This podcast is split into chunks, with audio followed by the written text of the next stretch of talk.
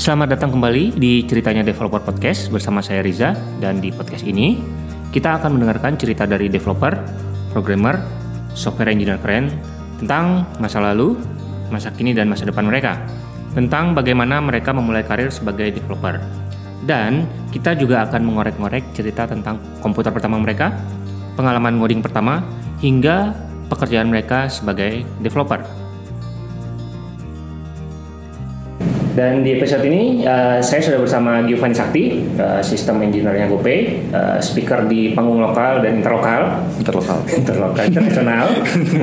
Lumayan sibuk juga ngurusin komunitas dari IDRuby, Jakarta JS, uh, Perkodi sampai di Tech. Ya, kita nanti akan bahas itu tentang komunitas nanti. Um, gimana kabarnya? Baik, Baik ya? alhamdulillah. Sibuk terus ya? Uh, alhamdulillah enggak. Alhamdulillah. Banyak kan gaji buta sih. Oke, tadi kan udah uh, bahas kelas tentang uh, Gio. Jadi bisa diceritain lebih lanjut nggak tentang sosok Giovanni Sakti ini Oke. seperti apa sih? gue sebenarnya lumayan anomali sih. Jadi uh, di keluarga gue itu dari adik gue, bokap nyokap, semua dokter. Oke, Golongan darah juga gitu. Hmm. gue O sendiri, bokap nyokap, adik gue B. oke, Jadi kayak gue beda sendiri gitu di keluarga. Oke. nah kebetulan dulu waktu gue kecil, gue sering ngeliatin orang tua uh, bikin skripsi. Hmm. Mereka pak- pakai komputer tiap malam. oke. Jadi gue ngeliatin mereka tuh pas kecil. Tapi bukan ngoding kan? Bukan ngoding. Skripsi. Tapi mirip-mirip lah. Mirip-mirip lah ya. Layarnya gelap juga itu warna hitam. Jadi 10 kali developer tuh orang tua gue. 10x ya, 10x ya. Iya, pakai Wordstar gue ingat banget. Oke.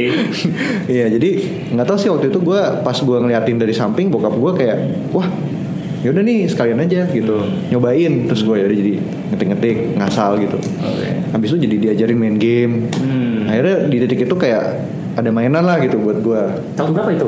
Umur berapa? Masih TK itu. Masih TK ya? STK atau SD kelas 1 lah Oke. banget nah habis itu ya gitu sih habis itu gue jadi sering main game lama-lama akhirnya di eh, gue inget banget di kelas 4 eh, 4 SD bokap gue pulang bawa modem Oke. Hmm, Pas itu lumayan mengubah tuh jadi 4 SD tahun 96 96 ya. 96 kurang lebih. 96, modem internet. berarti. modem dan internet waktu itu gue inget banget modem 28,8k jadi setiap kita buka website bukanya 10 menit kemudian 10 menit. Jadi gue enter dulu di browser, 10 menit kemudian baru dia keluar. connect connect pun lama lama, Lama, kan? lama. Yang ada bunyi-bunyi nggak jelas itu. Nggak jelas itu ya. Dan waktu itu bro, yang gue cuma bisa buka Yahoo doang. Kalau nggak Yahoo. salah tuh Yahoo. Terus kayak paling searching Email. searching email sama yang nggak yang paling penting juga tuh IRC. IRC. Ya, di situ gue belajar, gue join beberapa channel yang ngomongin programming. Oh. Eh, ngom- bu- bukan programming sih, ngomongin komputer lah. Komputer. Komputer. Kayak overclocking, kayak PC gitu-gitu. Di situ sih sebenarnya gue mulai banyak berinteraksi sama Oh, jadi salah satu exposure-nya gara-gara chatting. IRC. Gara-gara chatting. Iya. IRC. Ketahuan umur deh udah. Ini udah ditulis sempat SD dan Sebenarnya udah tahu udah umur. Oke. Itu dulu ingat gak OS-nya apa? Windows, eh, DOS ya waktu. Eh, Eh, awalnya banget dos. Tapi kan waktu yang modem itu udah Windows 31 Udah Windows 31 ya. Oke. Nah, kalau exposure ke programming language kapan? Eh, itu kayaknya waktu SMP. SMP? Eh, jadi waktu gue masuk SMP, eh, kan ada kelas komputer. Hmm. Nah karena gurunya tuh notice bahwa gue tuh kayak udah biasa Udah gitu pakai komputer belajar. gitu. Nah akhirnya gue jadi sering main sama dia. Kayak Hmm. di luar kalau lagi orang-orang lagi main bola, gue mainnya ke klub komputer gitu sama guru gue yang itu. Oke. Itu lumayan sih di- diajarin basic waktu itu. Basic ya? Bahasa pemrograman pertama gue Q basic yang go to go to itu. Oke. Sama ya kita ya. Sama, Sama ya. ketahuan umur juga dong. Ah, lu udah tahu umur gue juga. Oke, sebelum kita lanjut, saya mau share sedikit nih tentang salah satu tools yang menjadi secret weapon saya, terutama dalam proses podcast. Mulai dari menyiapkan skrip, penjadwalan, tulis artikel, dan list to-do lainnya. Saya pakai tools yang namanya Notion. Notion adalah tempat di mana kita bisa menulis catatan, menulis rencana, kolaborasi, dan mengorganisasikan dokumen.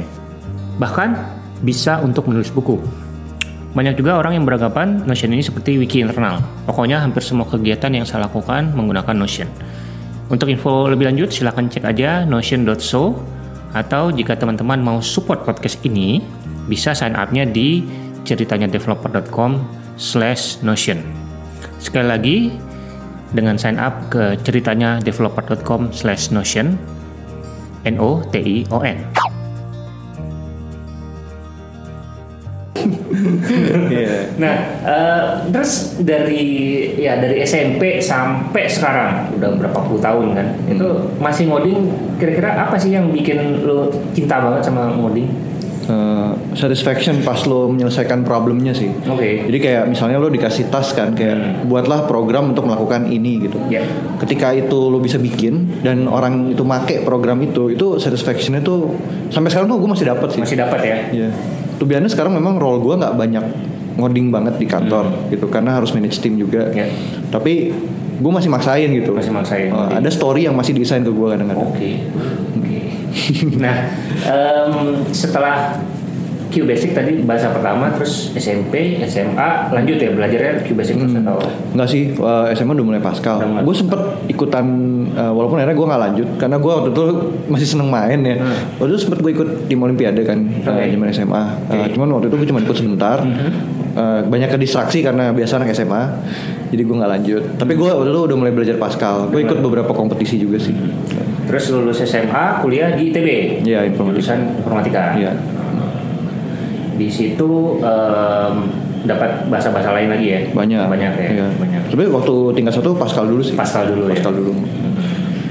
Terus eh, dari apa? Dari eh, sampai eh, SMP tadi belajar pertama sampai kuliah lah, sampai tamat kuliah lah. Ada ada ini nggak aplikasi menarik yang pertama kali lu buat yang masih keingat?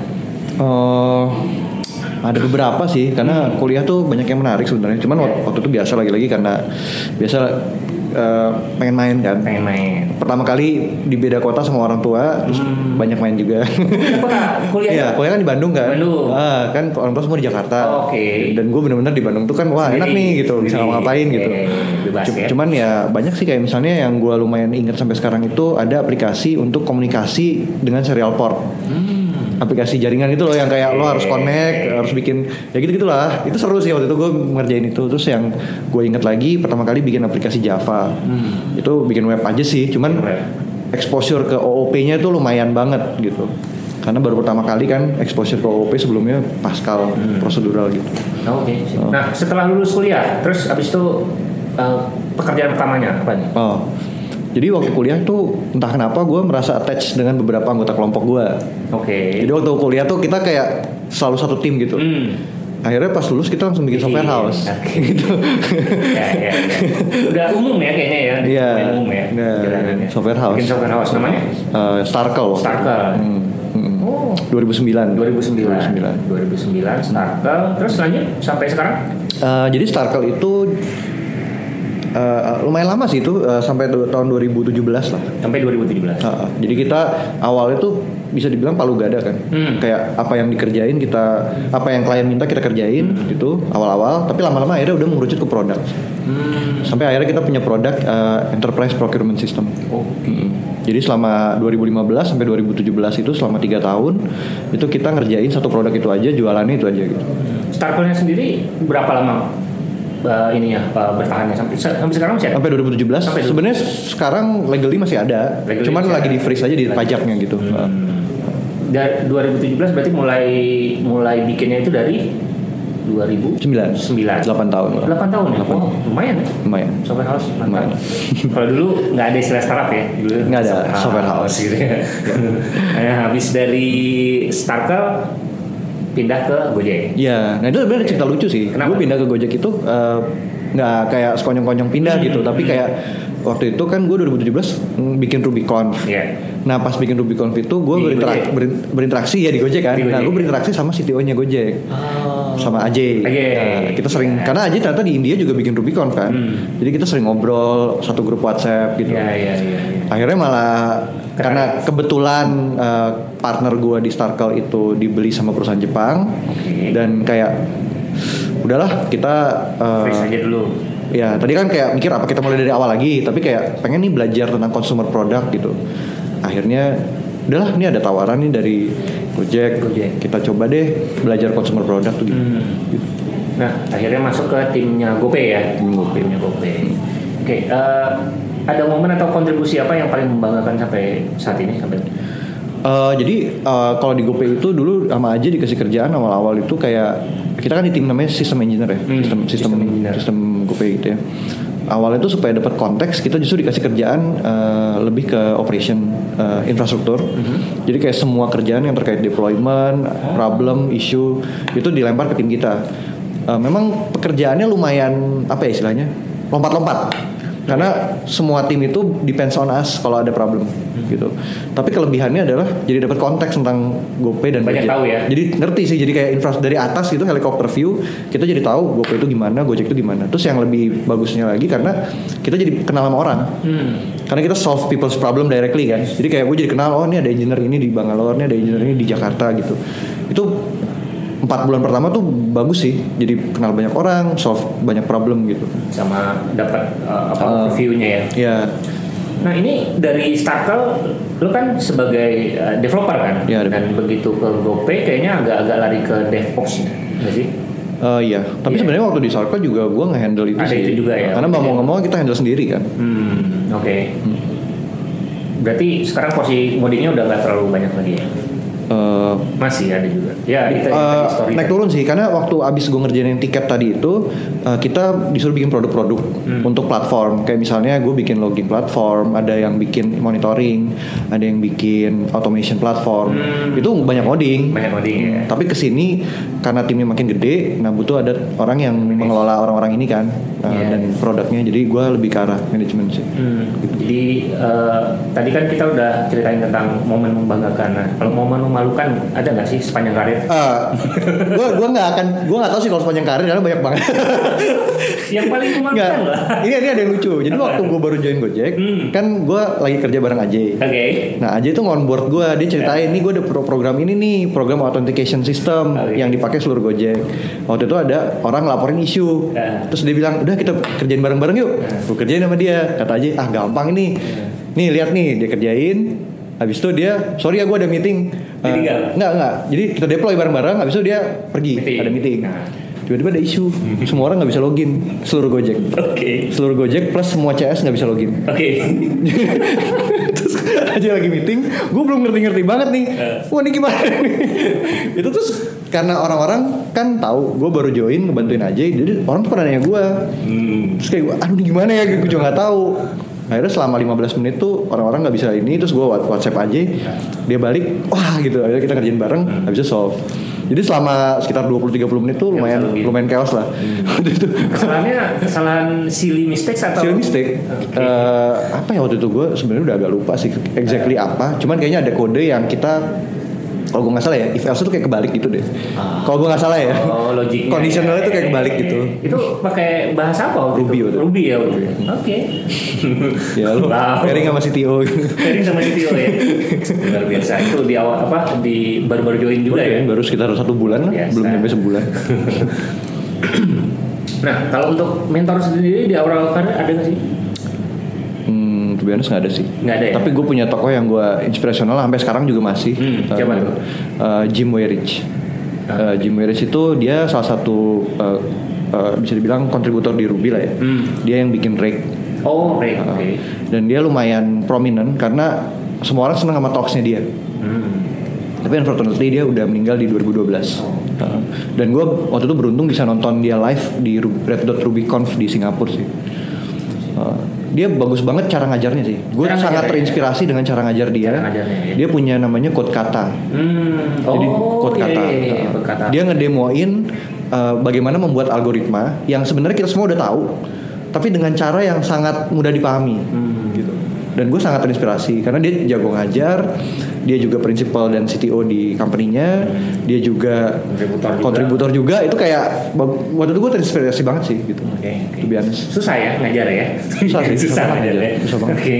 Nah, eh, menurut lo seberapa penting sih punya mentor apalagi di awal karir developer gitu? Um, depends on the people. Oke. Uh, kalau menurut gue uh, sekarang di dunia engineering terutama semua resource yang lo mau ada di internet. Ada di internet. Kalau lo self discipline tinggi bisa. bisa, Bisa. you can do it. Hmm. Tapi kalau lo mau accelerate karir lo atau lo memang orangnya mungkin self discipline kurang, punya mentor jadi penting banget sih. Hmm, Gitu. oh, Oke, jadi kalau self disiplinnya kurang, motivasinya kurang, mungkin butuh ya. Nah, sekarang kita masuk ke cerita tentang di GoPay sendiri. Lagi boleh tahu nggak lagi ngerjain apa? Di GoPay sekarang kita lagi ada uh, paling gede sih sekarang mengelola data, data center sih. Data center Uh, karena by law kan kita nggak boleh naruh data center di luar di Indonesia. luar kan. Indonesia. Jadi kita harus mengelola itu semua sendiri dan itu memang effortnya lebih besar daripada mengelola cloud. Cloud. Yang itu semua tim kita lagi ngurus itu. Hmm. Tapi juga produk-produk yang kita sudah rilis. Jadi produk tadi yang gue bilang itu logging, monitoring itu udah pada rilis dan dipakai bukan cuma di GoPay tapi di seluruh Gojek juga. Oh, yang bar- baritolog ya? Hmm, baru itu dipakai seluruh Gojek. Nah, eh, teknologi atau tools atau bahasa pemrograman yang akhir-akhir ini bikin excited apa ya? Kalau nggak salah kemarin lu sempat Ya. mention V, Yes. V language. Yes, gue kemarin lagi iseng-iseng. Jadi ceritanya kan semua orang nyala-nyala Slack kan. Ya. Slack itu kan berat banget. Terus gue nyari-nyari ada nggak Slack lain yang ringan? Slack lain yang ringan kan? Saya klien yang ringan. Nah, gue nemu, nah tapi dia dibuat di atas bahasa V. Nah, gue V. bahasa apa ini? Aha. gue baca, itu menarik banget sih. Oke. Dia klaim nggak ada nil value, nggak ada undefined value, terus juga support concurrency, Oke. gitu kan.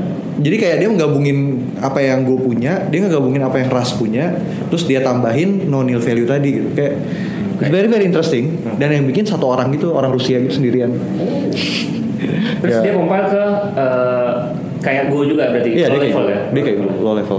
Jadi kayak gue belum sempat ekspor lebih jauh, tapi kayaknya gue pengen baca-baca sih Hmm. uh, kalau ada waktu gitu. Kalau nggak salah dulu kan sempat eh, lu tertarik ke Rust juga kan awalnya. Gue pernah belajar sih, Ras. Pernah belajar. Pernah belajar dan masih menarik. Tapi sayangnya uh, di Gojek kita belum bisa implement karena Gojek kan punya official language ya, yang Apa tuh? uh, Clojure, Golang, Golang, Java, Ruby. Ruby, sama ya uh, Python kan buat tim data Tim gitu ya. data, ya.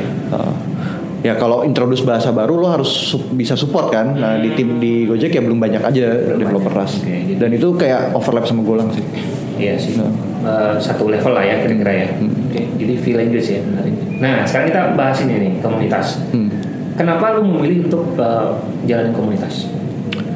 Um, initially karena gue pengen keluar dari comfort zone sih. Jadi dulu waktu gue bikin Starkle, uh, kita voting kan siapa yang jadi CEO. Terus orang-orang votingnya gue. Hmm. Kayak korban sih waktu itu. Berapa kali ya? Iya. Paling terakhir juga ya. Oke. Dan waktu itu gue sebenarnya merasa gue orang yang sangat introvert dan tidak CEO material gitu loh. Oke. Jadi waktu itu gue memutuskan, oke lah gue harus keluar dari comfort zone dan kayaknya gue harus punya banyak kenalan. Hmm. Karena menurut gue, gue nggak punya banyak kenalan gitu. Dan kayaknya CEO tuh kayaknya punya banyak kenalan sih. Iya. Kalau lihat di TV-TV gitu ya. Jadi gue akhirnya datang ke Jakarta, terus gue datang ke beberapa kom- komunitas Hmm. gitu. Terus gue nonton. Jadi kerjaan gue tuh cuman datang nonton. Hmm. Uh, abis itu gue mulai Kenalan. kenalan dan gue mulai memberanikan diri ngasih talks Hmm. gitu sih. Oke. Oh iya, Initially- tadi ada yang ketinggalan. Hah. Pertama kali belajar Ruby kapan? Uh, 2009. 2009. Pas Starkle itu. Pas Starkle baru pertama kali belajar. Belajar Ruby ya. Eh, nah eh, setelah apa tadi mulai datang Hmm. ke komunitas eh, minta-minta terus kenalan terus habis itu ngisi tol Hmm. waktu itu ingat gak komunitas apa aja yang berdatangin Uh, yang paling pertama tuh yang gue datang Ruby sih. Ruby Uh, waktu itu karena gue pakai Ruby, Ruby. jadi nyari Ruby. Hmm. Habis itu baru jalan sekitar beberapa bulan, gue kan datang meetup Ruby di Wigo, Oke, kantor iya, di Wigo. Wigo. Gue ketemu Hengki. Oh, Nah, Hengki. Hengki ngajakin, eh lu ngurus Ruby ya? Gue bilang sebenarnya sih waktu itu gue belum ngurus-ngurus full time banget ya, karena masih ada Gozali juga kan. Hmm. Nah, gue bilang, ya gue bantu-bantu gue bilang. Nah, dia bilang, oh enggak bikin ini uh, JavaScript, Jakarta JS gitu. Boleh, boleh, boleh gitu. Karena kebetulan waktu itu gue di kantor juga lagi pakai Angular. Hmm, ya. Hmm, jadi gue bilang, oh why not gitu kan. Dan next month kita bikin tuh. Hmm, bikin JS. di Wigo. Di Wigo lagi. Yang datang cuma 10 orang. 10 orang. 8 orang mungkin. Iya, iya, iya, iya. kan apa yang sempat kita diskusin juga men- eh, menurut lu kan meetup itu ya memang itu kan ukurannya kan tidak terlalu besar Iya. baru terakhir-terakhir ini aja cukup besar ya Ya. tantangannya apa sih apa eh, biar komunitas itu tetap eh, sustain kan Ruby juga lumayan eh, stabil lah ya gitu kan ada beberapa meetup yang kadang ada kadang enggak Hmm. gitu itu resepnya apa sih Eh, core of core core-nya sih. Core kontributornya. Eh, core orangnya sama tujuannya apa sih? Tujuannya. Kalau menurut gue kenapa kalau gue nggak tahu eh, Ruby sama JS mungkin mirip ya. Hmm. gue ngeliat Ruby dan JS itu kemiripannya adalah core orang-orangnya tuh solid dari awal. Jadi mereka mau orangnya dikit yang datang maupun banyak datang mereka tetap tetap ada gitu. Karena memang orang-orang ini udah menjadi teman. Hmm. Dulu Ruby lebih parah lagi. Kita meetup itu bukan di kantor tapi di cafe Oke. sambil beli makan. Beli makan sendiri. Kita buka laptop dan kita ngobrol-ngobrol. Ah. Itu meetup. Itu meetup. Itu meetup.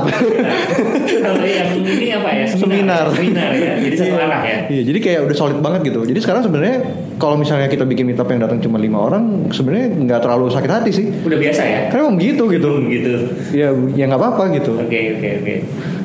Jadi eh, apa tadi kan udah dibahas juga lu eh, apa dari Ruby terus Jakarta JS terus abis itu bikin Perkodi. Ya. Nah boleh jelasin nggak Perkodi? Perkodi ini sebenarnya muncul dari kebutuhan. Hmm. Karena pengen bikin eh, RubyCon, Mm-mm. terus gue datang ke Gojek kan tadi kan, Iya. gue minta duit kan ke Gojek, Nah. sponsorin dong, kan lo sponsorin di India, masa nggak sponsor di Jakarta? Oke oke. oke kita sponsorin gitu. Iya. Cuman dia nanya rekening lo mana? Gue kasih rekening pribadi. Nggak boleh. Nggak mau. Waduh, oke deh gitu. Harus Ya udah. yayasannya apa? non profit Non-profit. intinya. Eh, jadi boleh yayasan untuk perkumpulan. Yayasan atau pulang. Jadi kita bikin lah langsung perkodi dalam waktu sebulan kita bikin semua. Jadi langsung kita tagih. Ini nih udah ada nih. Ya udah akhirnya dikasih uang. Oh, Oke. Gitu sih. Ya problem juga ya sama kalau nggak salah waktu itu Python ya, PyCon ya. Ya akhirnya sekarang perkodi lumayan sih udah ada empat event yang kita pernah adain kan Ruby, PyCon, uh, SIA MLS kemarin, sama nanti insya Allah JSD juga. JSD dan RubyCon tahun Berikutnya, ini ya tahun ini. barengan kita. Hmm. Nah eh, sama satu lagi kan habis Perkodi terus di tag. Nah, ini seru sih. Gue justru malah gue gue merasa beruntung sih. Hmm. Gue ketemu orang-orang yang suportif dan saling membantu dan saling meningkatkan satu sama lain gitu.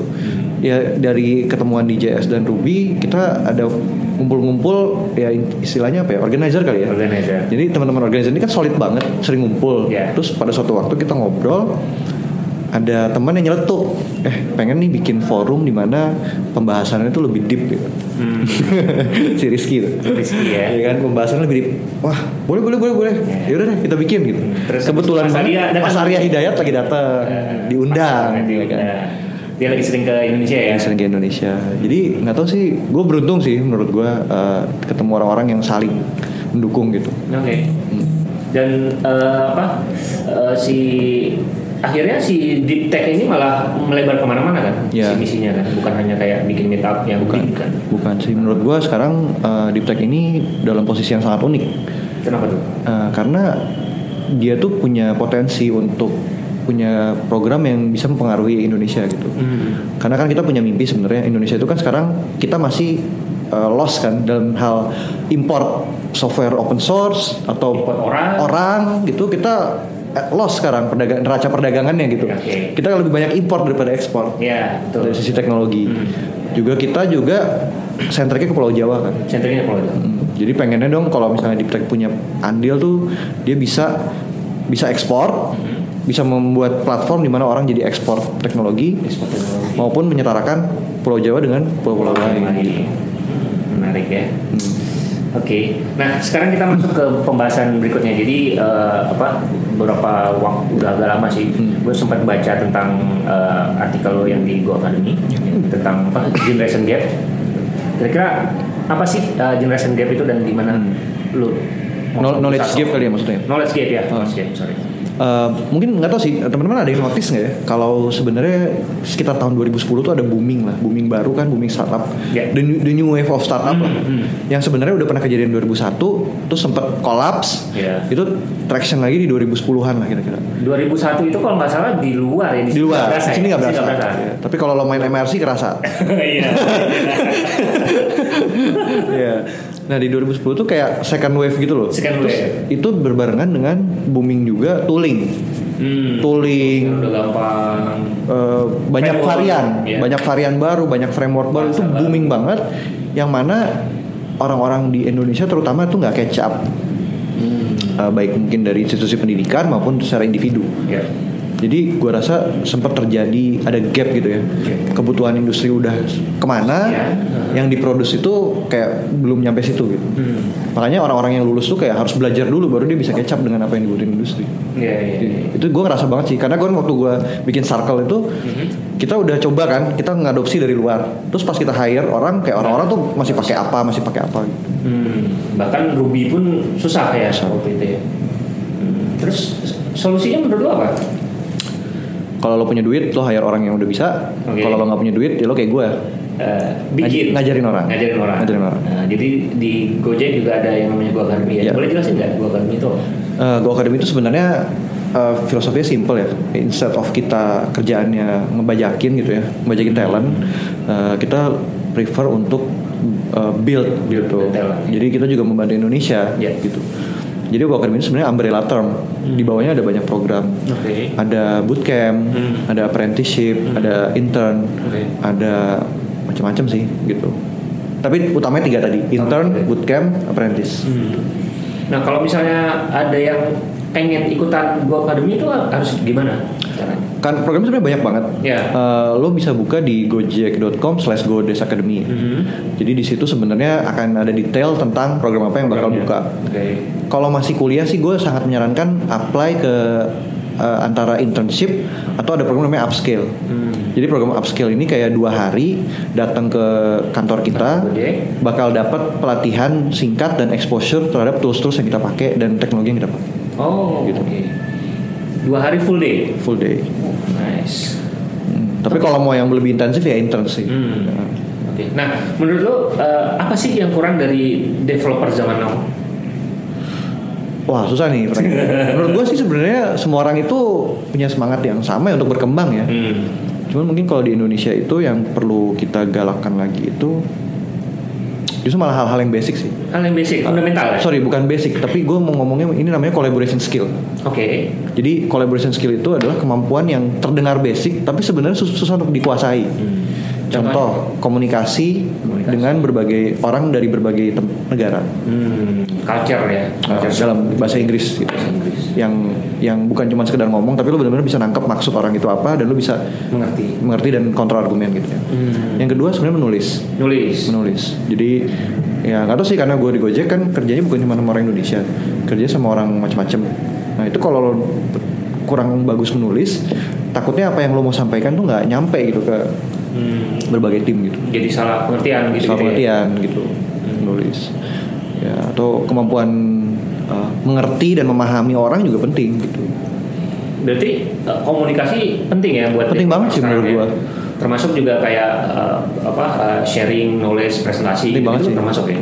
Karena sekarang lo lo udah nggak bisa nguasain satu teknologi dan lo akan makmur seumur hidup gitu. Hmm. Dulu mungkin bisa ya kayak lo nguasain satu bahasa dan Iya, udah lo makmur. udah selesai, gitu Selesai. ya. Sekarang nggak bisa deh kayaknya. Sekarang justru lo harus menguasai belajar cara belajar lo itu harus bagus dan kolaborasi lo harus bagus gitu. Hmm, Jadi kita sekarang bukan hanya kayak belajar sesuatu tapi belajar cara belajar yang efektif that- gitu ya. That's that's that's the keyword. Oke. Ya.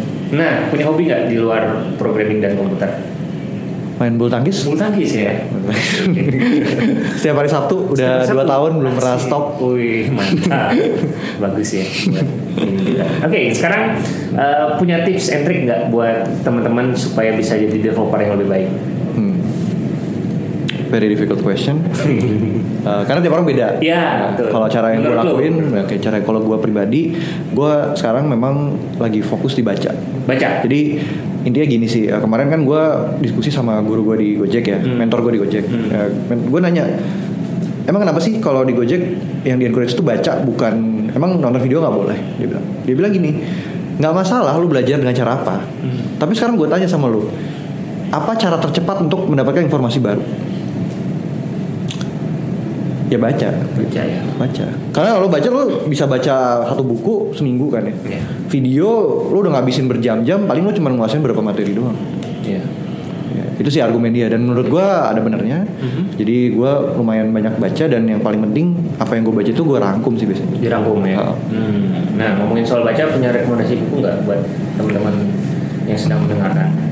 Eh, tergantung kalau misalnya lo mau yang dari yang basic banget yang kayak itu buku wajibnya Gojek itu Pragmatic Programmer Pragmatic tentu kalau mau tentang lebih spesifik ke kode clean code Clean Code. Iya. Kalau buku yang terakhir lo baca dan mengubah mindset lo? Elegant Puzzle Apa? Elegan Puzzle. Elegan Puzzle. Itu cerita tentang apa bukunya? Engineering Management. Engineering Management. Bagus banget karena itu sangat praktikal. Oke. Nah, karena selama ini kan kalau lo baca buku manajemen kan kayak Iya, ini gue nggak bisa di apply deh ke gue gitu beda Iya. banget sih sama di kondisi gue Hmm. tapi kalau elegan puzzle ini lumayan praktikal karena yang nulisnya juga dia punya pengalaman yang sangat praktikal di berbagai startup di Amerika gitu Di Amerika. Oke. Menarik. Nah, ini eh, kan tadi pagi kan gue lempar pertanyaan Twitter, Twitter kan dan eh, Instagram. Ada beberapa pertanyaan cuma satu sih. Yang lainnya Giri kirim salam. padahal ketemu tiap hari Ketemu tiap hari ya. Terus si apa Reza Primardiansyah dia bilang titip salam pernah ketemu di Reddit Red Dot, Red- Red Dot, Red Dot, ya, di Singapura, ya. Terus Sof- Sofian Setiawan juga salam. Terus si Aji Suradika titip salam kangen sama kejuk sayang. tolong jangan dipikir aneh-aneh dulu para pemirsa gitu. nah, yang satu nih ada yang bertanya, gimana cara lu bagi waktu untuk pekerjaan dan waktu belajar? oke wah gila ini pertanyaannya berat banget Berat ya? ya lagi-lagi tiap orang beda sih Eh, gua sekarang lagi coba mengoptimize waktu sih. Dulu gue pernah waktu zaman kuliah, Hah? gua ngobrol sama kahim gua dulu Oh, iya. zaman kuliah. Dia tuh kayak role model banyak orang lah. Ya. Nah, kita kira tuh dia udah jago banget memanage waktu. Waktu itu suatu hari gue nanya pertanyaan yang sama. Hmm. Gimana sih cara lo manage waktu? Dia jawabannya filosofis banget sih dan gue masih ingat sampai sekarang. Dia bilang gini, gue kemarin nge, nge ini ngelihat jadwal gue seminggu terakhir. Gila ya gue banyak banget buang-buang waktu. Pas dia ngomong gitu, anjir dia orang. dia udah se-awesome itu kayak dia masih bisa bilang gitu gitu. Dan akhirnya ya kuncinya tadi berarti ya lo coba ini dulu deh katalog dulu waktu lo habis buat apa. Hmm. Mungkin lo nggak menyadari bahwa sebenarnya banyak waktu yang lo habiskan untuk hal yang nggak terlalu banyak impact.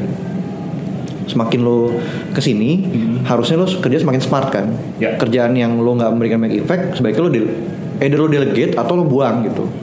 Dan lo ganti dengan yang lebih bermanfaat. Dan belajar itu menurut gue sangat valuable. sangat valuable dibandingkan apa scrolling scrolling sosial media gitu ya lebih baik baca buku gitu ya Hmm, oke nah eh, nah kalau teman-teman mau apa mau ngobrol langsung ke Gio ya eh, cara yang paling gampang lewat mana sih Facebook Twitter ya? Paling gue paling aktif Twitter. Gue Twitter sosial ya? media tinggal Twitter doang sih. sosial media At Gio Sakti ya? itu. At Gio Sakti ya Ya. oke kalau gitu thank you Gio atas waktunya Thank you very much. Terima kasih. Thank you. Salaman nggak kelihatan tapi. Nggak kelihatan ya. Terima kasih dan sukses terus untuk uh, karir dan kehidupannya. Yes, thank Oke, you Riza. thank you. Itu dia episode ceritanya developer podcast kali ini. Gimana? Seru ya? Nantikan episode-episode ceritanya developer podcast selanjutnya ya. Catatan dan link penting yang disebutkan narasumber bisa dicek di website ceritanya developer.com.